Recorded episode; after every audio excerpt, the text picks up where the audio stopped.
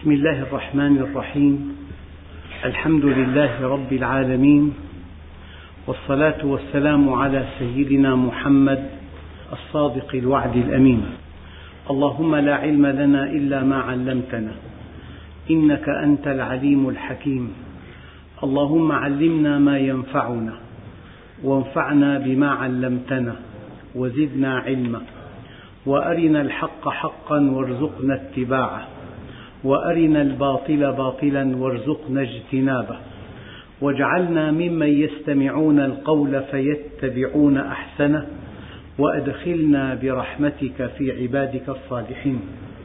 أيها الإخوة الكرام مع الدرس الواحد والخمسين من دروس سورة الأنعام ومع الآية الخامسة والعشرين بعد المئة وهي قوله تعالى فمن يرد الله أن يهديه يشرح صدره للإسلام. ومن يرد أن يضله يجعل صدره ضيقا حرجا كأنما يصعد في السماء. كذلك يجعل الله الرجس على الذين لا يؤمنون. أيها الإخوة الكرام كلمة يريد دقيقة جدا. هناك من أساء فهمها. فكل معصية يرتكبها الإنسان تعزى عند الجهلة إلى أن الله أراد له هذه المعصية. وهذا سوء ظن بالله. وقد عاب الله على بعض الناس سوء ظنهم به. الظانين بالله ظن السوء عليهم دائرة السوء. يظنون بالله غير الحق ظن الجاهلية إذا أحد الأسباب المهلكة سوء الظن بالله وحسن الظن بالله ثمن الجنة وحسن الظن بالله دليل معرفته لكن ما معنى كلمة يريد؟ أولا أيها الإخوة لا يليق ولا يقبل في ألوهية الإله أن يقع في ملكه ما لا يريد. لكن الإرادة هنا بمعنى سمح. عبر العلماء علماء العقيدة عن هذه الحقيقة بأنه أراد ولم يأمر أراد ولم يرضى.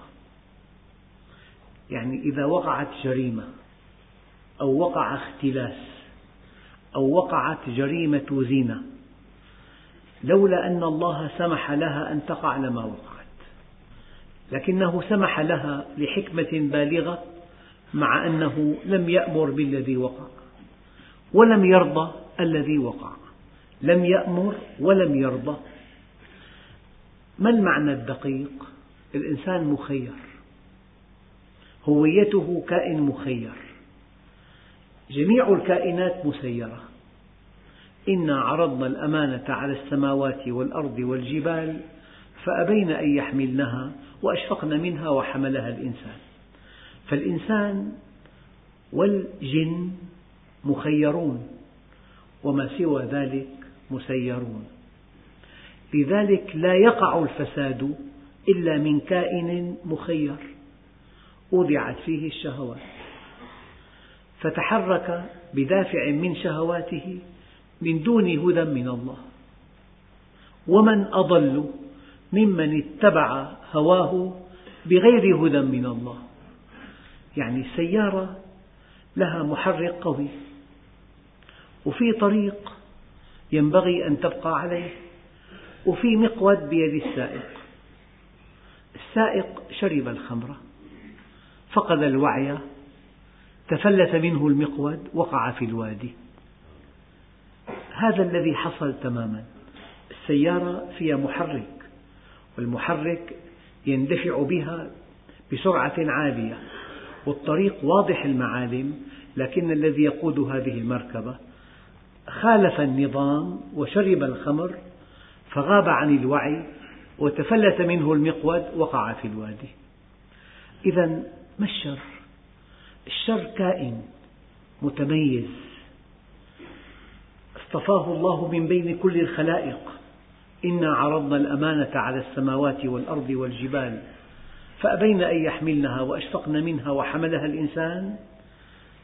قال أنا لها يا رب لكنه تخاذل في حملها واتبع شهوته وعمي بصره وصمت أذنه فوقع في متاهة وهلك إذا الله عز وجل أراد بمعنى أن هذا الكائن هويته مخير. فإذا اختار شيئا وأصر عليه نبهه الله لفت نظره أسمعه كلاما نصحه إنسان قرأ مقالة رأى عبرة رأى قصة أصر على هذه الشهوة. يبدو من الحكمة البالغة أن تخرج هذه الشهوة من نفسه. يسمح له أن يقع في هذه الشهوة ولكن ليس على حساب أحد. والكلام دقيق الله عز وجل بنسق. معنى بنسق أي وكذلك نولي بعض الظالمين بعضا. بما كانوا يكسبون. يعني إنسان اختار أن يسرق وأصر على هذا الاختيار وجاء من يحذره بقي مصرا وأصبحت هذه الشهوة حجابا بينه وبين الله. لا بد من أن تخرج هذه الشهوة. يسمح الله أن يسرق لكن على من تكون سرقة ماله حكمة له ومعالجة وتنبيها وتأديبا. لذلك الظالم صوت الله ينتقم به ثم ينتقم منه.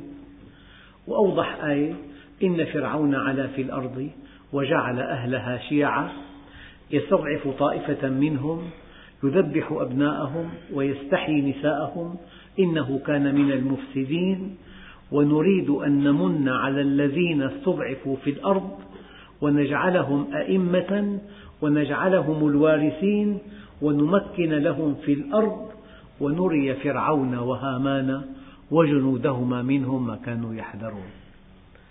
إذا الإنسان مخير ولكن لا يستطيع أن يصب اختياره على من يشاء.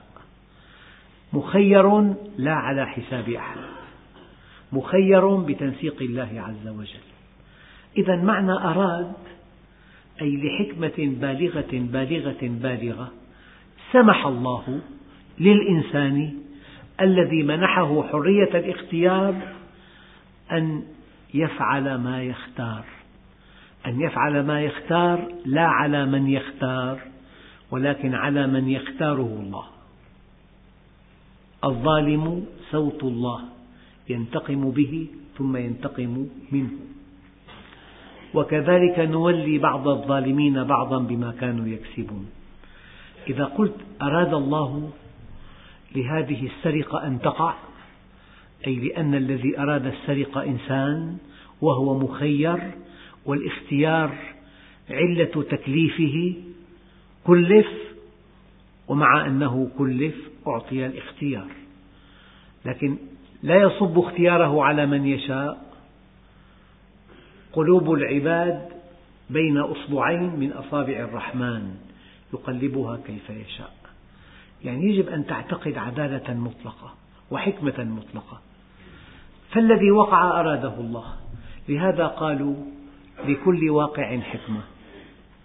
وقد يكون الموقع مجرما. أحداث أيلول وقعت. سمح الله لها أن تقع أي أراد الله أن تقع. لحكمة بالغة بالغة. نعرفها أو قد نعرفها بعد حين. اجتياح بعض البلاد الإسلامية سمح الله به لحكمة بالغة بالغة. نعرفها الآن أو بعد حين. لكن لأن الشيء وقع أراده الله. وإذا أراد الله شيئا وقع. أراد بمعنى سمح. فإذا كان الذي وقع شرا نقول سمح ولم يأمر سمح ولم يرضى. هذا معنى كلمة الإرادة. الله عز وجل يريد الخير لكن يسمح لاختيار الإنسان أن يقع. تفريغا لقلبه من هذه الشهوة كي يكون قريبا من التوبة بعدها. أما الهداية فهذا الموضوع أيها الإخوة يعني خاض فيه الناس كثيرا. في هناك موقفان متطرفان. تأباهما العقيدة السليمة. الموقف الأول كلما رأيت إنسانا ضالا تقول لم يأذن الله له بالهدى. وإذا عاتبت إنسانا ضالا يقول لك لم يهدني الله بعد. لم تأتي الهداية. يرتاح من المسؤولية يفعل ما يشتهي بأعلى درجة من الاختيار وهو يعلم علم اليقين أنه مخير وأنه ما فعل الذي فعله إلا باختياره. ومع ذلك إذا عاتبته على تقصيره في أداء العبادات أو في الطاعات يقول لك لم يأذن الله لي أن أهتدي. هدايتي بيد الله. هذا فهم متطرف وفهم جبري وما شل الأمة الإسلامية في أواخر عصورها إلا بهذه العقيدة الجبرية. لماذا شربت الخمر؟ جاءوا بشارب خمر لسيدنا عمر قال إن الله قدر علي ذلك. شيء قديم معناها. الإنسان دائما يميل إلى أن يعزي خطأه إلى الله. طالب لم يدرس فلم ينجح. طمنا والله الله ما ما أذن لي ترتيب سيدك ما أذن لي هو أكبر كسول. لم يدرس ولم يداوم ولم يقرأ. في النهاية يقول لك إن الله لم يأذن لي أن أنجح. وهكذا. يعني صفقة خاسرة بضاعة كاسدة. يقول ما في جبر. لما لم تقل لم تحسن شراء البضاعة لم تحسن الدراسة في السوق لم تدرس التكاليف لم تدرس المنافسة لم تدرس النوعية. أهملت البحث في النوعية والمنافسة والجدوى والربح والأسعار واشتريت آه، متواكلا على الله. وبعدين الله ما أذن أن تجبر. هذا ترتيب سيدك هذا من الدجل. الذي لا يرضي الله عز وجل. لا يمكن أن يكون القضاء والقدر تفسيرا لكسل الإنسان ولتقصيره ولعدم أخذه بالأسباب. إذا الهدى أول فكرة أساسية. قال الله تعالى إن علينا للهدى. هداية الإنسان ألزم الله ذاته العلية بها. وإن أتت كلمة على قبل لفظ الجلالة فمعنى ذلك أن الله ألزم ذاته العلية بها. إن علينا للهدى. هداية العباد على الله عز وجل.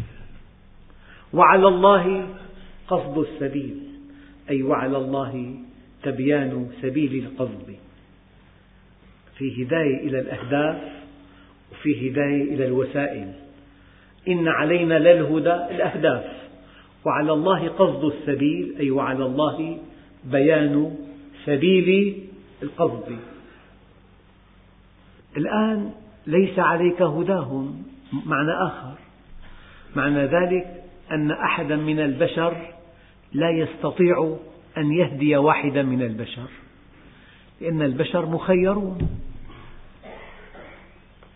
ليس عليك هداهم. إنك لا تهدي من أحببت. ما أنت عليهم بحفيظ ما أنت عليهم بوكيل. أي أن الناس مخيرون. والنبي وظيفته التبليغ فقط.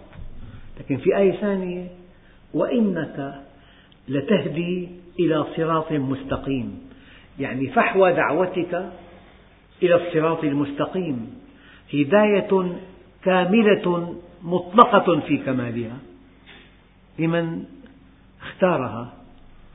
فحوى الدعوة هداية صحيحة كاملة مطلقة.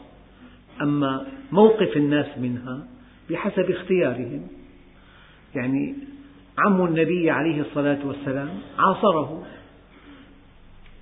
أبو بكر رضي الله عنه اختار الهداية على يد النبي. أما عمه أبو لهب لم يختر الهداية. ما اختار؟ الدليل إنا هديناه السبيل إما شاكرا وإما كفورا. من شاء فليؤمن ومن شاء فليكفر. المعنى الأول أن الهداية كفحوى كدلالة كبيان كتوضيح كمعجزات كأدلة كآيات كونية تكوينية قرآنية الهداية كمضمون على الله. الله عز وجل هدى العباد أي أبلغ العباد الحق. أول فكرة يعني الله تولى إرسال الرسل وإنزال الكتب. نصب الآيات في الكون. كل شيء في الكون يدل عليه. الآن هيأ لك ملكا يلهمك الخير وهيأ لك شيطانا يحركك تتحرك. واحد يدعوك إلى الشر من أجل التحريك واحد يدعوك إلى الخير من أجل الخير. وفي أشخاص وفي معالجات وفي أفعال وفي هموم وفي مصائب وفي أحزان. كل ما يسوقه الله للإنسان من أجل هدايته. بدءا من الكون من آياته الكونية ومن آياته التكوينية أفعاله ومن أنبيائه ورسله والدعاة الصادقين الذين سمح الله لهم أن ينطقوا بالحق ومن أفعاله ومن التربية النفسية التي يرسلها الله للإنسان. إن علينا للهدى الهداية من عند الله. الآن موقف الإنسان منها. إما أن يقبلها وإما أن يرفضها لأنه مخير. الآن ولكل وجهة هو موليها فاستبقوا الخيرات. من شاء فليؤمن ومن شاء فليكفر. إنا هديناه السبيل إما شاكرا وإما كفورا. بعد أن تولى الله هداية الخلق موقف الإنسان من هذه الهداية إما الاستجابة أو عدم الاستجابة. يا أيها الذين آمنوا استجيبوا لله وللرسول إذا دعاكم لما يحييكم. الهداية الأولى أن الله تولى الهداية بنفسه. تولى نشر الحق تولى إنزال الكتب تولى تكليف الأنبياء تولى معونة الدعاة إلى الله تولى التربية النفسية تولى إرسال الأدوية والمصائب. يعني كل ألوان الهداية من عند الله. الهداية الأولى هداية البيان والتوضيح. هذا على الله عز وجل. الكون العقل الفطرة الكتب السماوية الأنبياء الرسل المصائب التربية النفسية الحوادث كل شيء تراه عينك من أجل أن تهتدي إلى الله. هذه على الله. تولاها الله عز وجل. الدليل إن علينا للهدى. الآن أنت مخير. لك أن تستجيب أو أن لا تستجيب.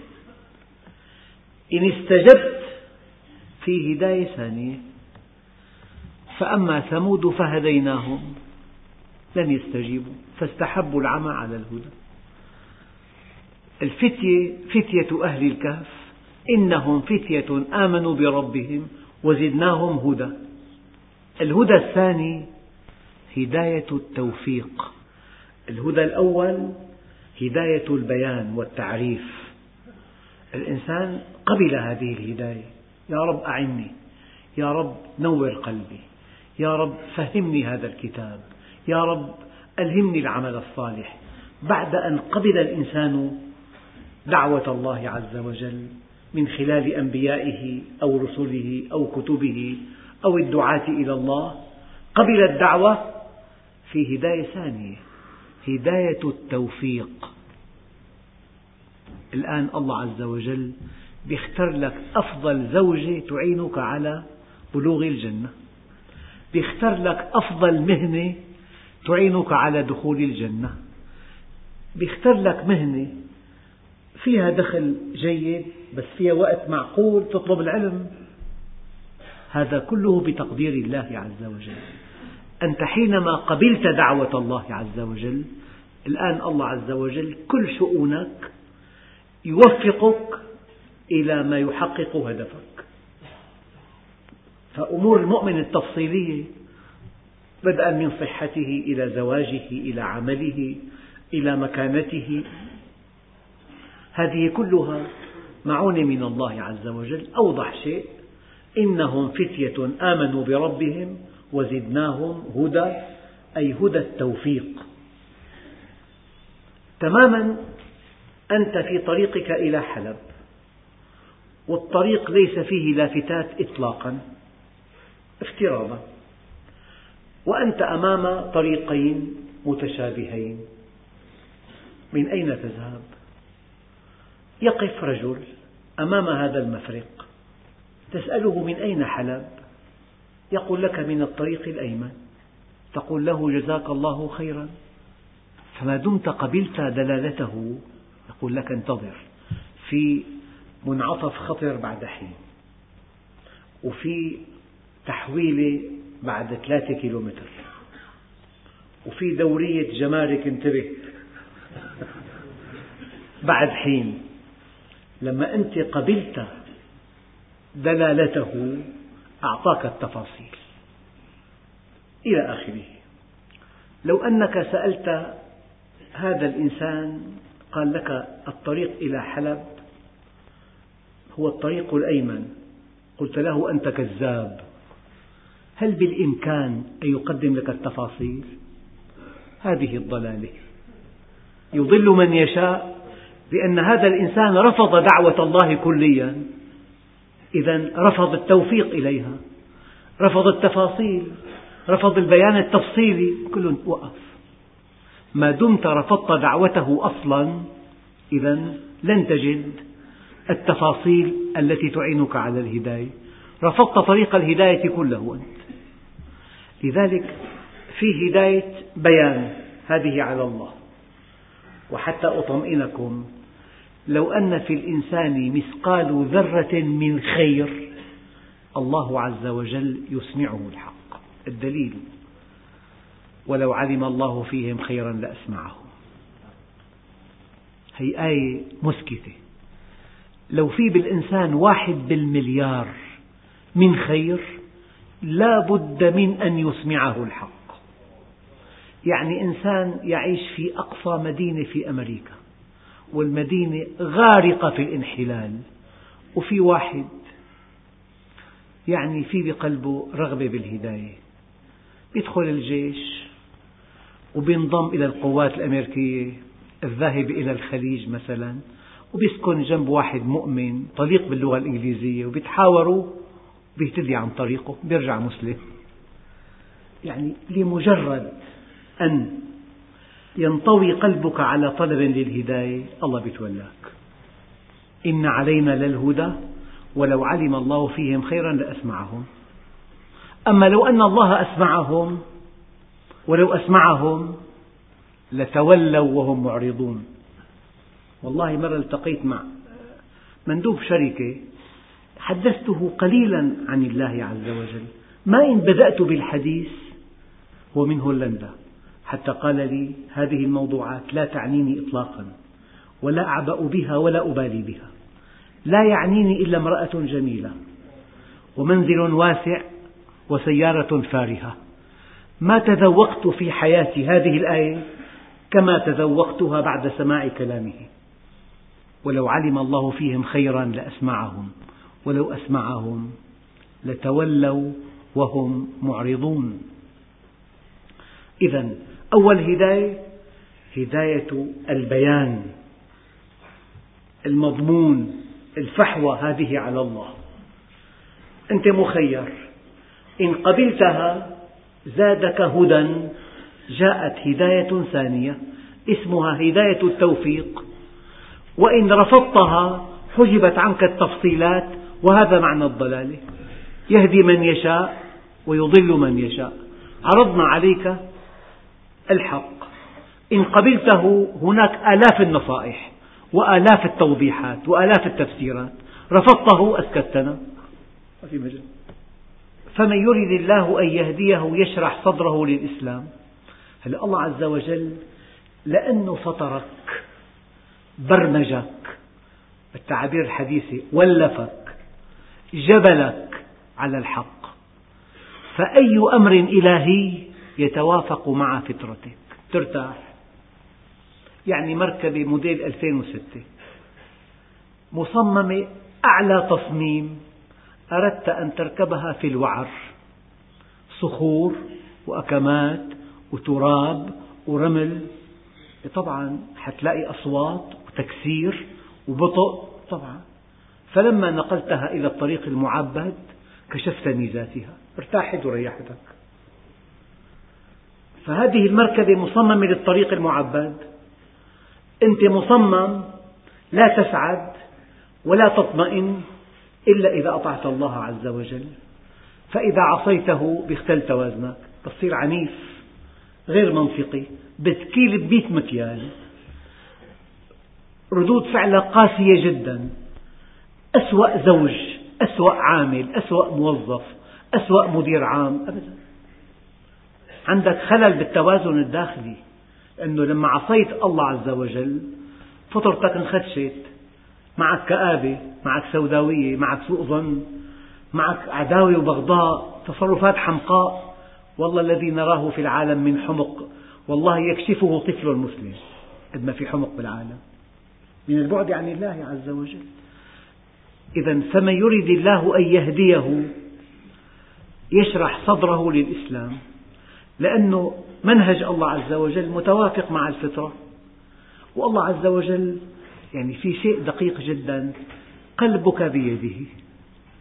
قال النبي الكريم عليه أتم الصلاة والتسليم قلوب العباد بين أصبعين من أصابع الرحمن. لماذا؟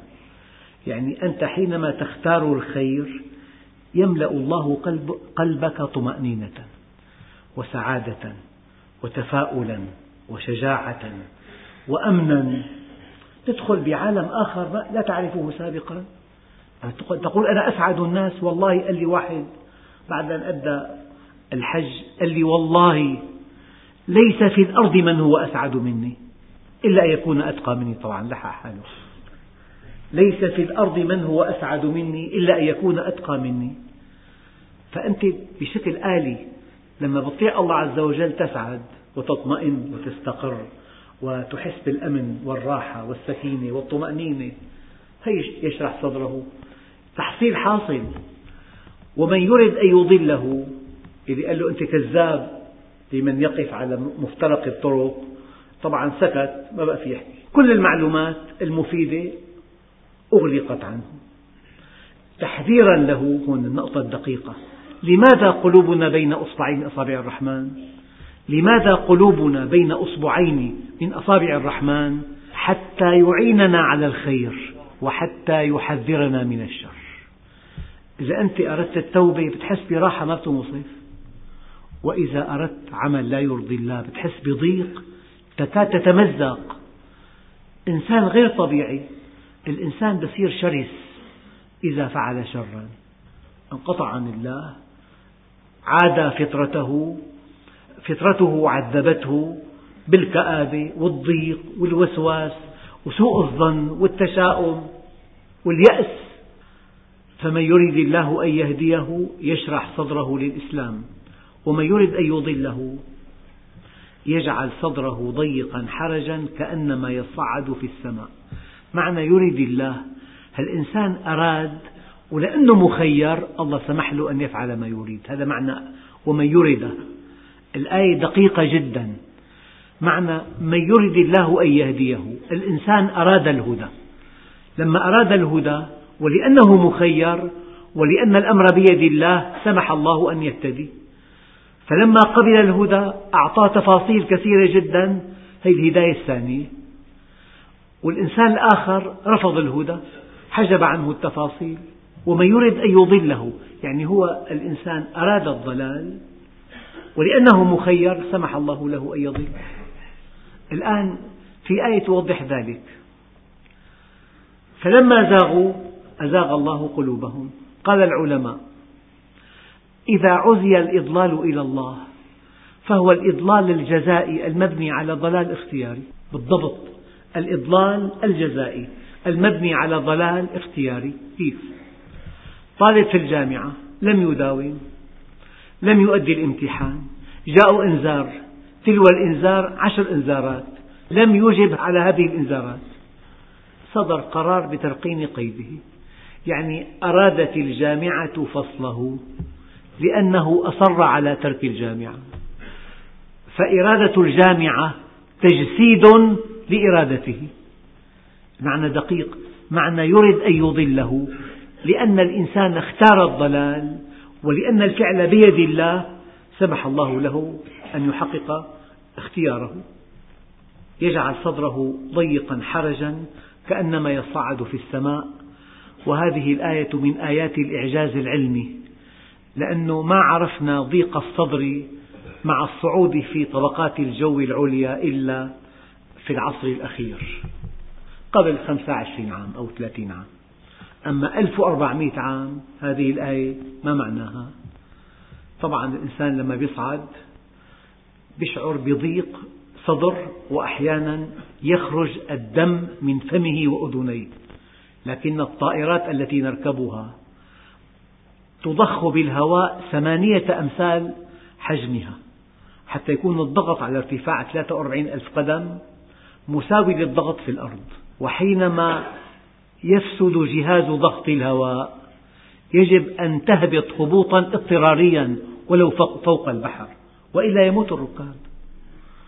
ومن يريد أن يضله يجعل صدره ضيقا حرجا كأنما يصعد في السماء. كذلك يجعل الله الرجس على الذين لا يؤمنون. الهداية من الله هداية البيان والتوضيح والكون والعقل والفطرة والأنبياء والرسل والكتب والدعاة والمعالجات والمصائب والمعالجة النفسية والرؤى هي كلها تربية إلهية. هي على الله. إن علينا للهدى. أنت مخير. إن اخترت الهدى جاءتك هداية ثانية. هداية التفاصيل والتوفيق. وإن اختار الإنسان الضلال وأصر عليه سمح الله به لأنه مخير منعت عنه التفاصيل والوسائل. الآن في هداية سادسة. سيهديهم ويصلح بالهم ويدخلهم الجنة عرفها لهم. هداية هداية بيان وهداية توفيق وهداية جزاء إلى الجنة. تفضل. سيهديهم ويصلح بالهم ويدخلهم الجنة عرفها لهم في الدنيا. ذاقوا طعمها. قال في الدنيا جنة من لم يدخلها لم يدخل جنة الآخرة. أيها الإخوة الكرام لماذا القلوب بين أصبعين من أصابع الرحمن لصالح الإنسان؟ إذا اتخذت قرارا سليما بالتوبة والاستقامة يمتلئ القلب سعادة وطمأنينة وثقة ورضا وأمنا وبشرا. وإذا اتخذ الإنسان قرارا خاطئا بارتكاب المعاصي والآثام يمتلئ القلب خوفا وضعفا وتضعضعا وتشاؤما وإحباطا. بكافئك الله على القرار الصحيح بسعادة وبحذرك الله بعد أن تتخذ القرار الخاطئ بشقاء. ومعنى يريد الله أن يضله يعني هو عرض عليه الحق فرفضه. حجبت عنه التفاصيل. ولأنه مخير سمح له أن يفعل ما يريد. هو مخير. كذلك يجعل الله الرجس على الذين لا يؤمنون. يعني الإيمان يرفع الإنسان إلى أعلى عليين والبعد عن الله عز وجل. كأن الإنسان عليه نجاسات.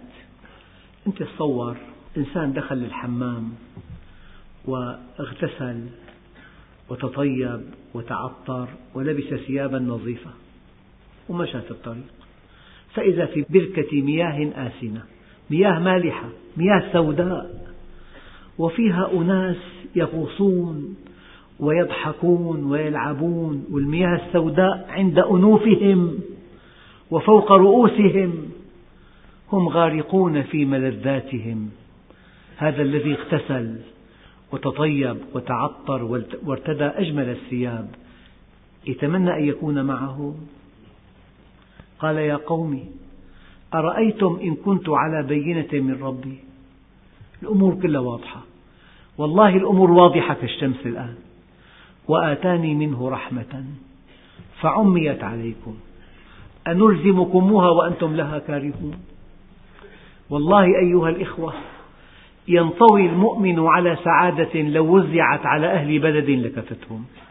ينطوي على شعور بالأمن شعور بالرضا شعور بالقرب من الله. ينطوي على شعور أنه في ظل الله. وأنه في رعاية الله وفي حفظ الله وفي توفيق الله وفي تأييد الله وفي نصر الله. وإذا كان الله معك فمن عليك وإذا كان عليك فمن معك. ويا رب ماذا فقد من وجدك وماذا وجد من فقدك؟ أشياء دقيقة جدا. هذه الآية أيها الإخوة من أدق الآيات. فمن يرد الله أن يهديه يشرح صدره للإسلام ومن يرد أن يضله يجعل صدره ضيقا حرجا كأنما يصعد في السماء كذلك يجعل الله الرجس على الذين لا يؤمنون والحمد لله رب العالمين.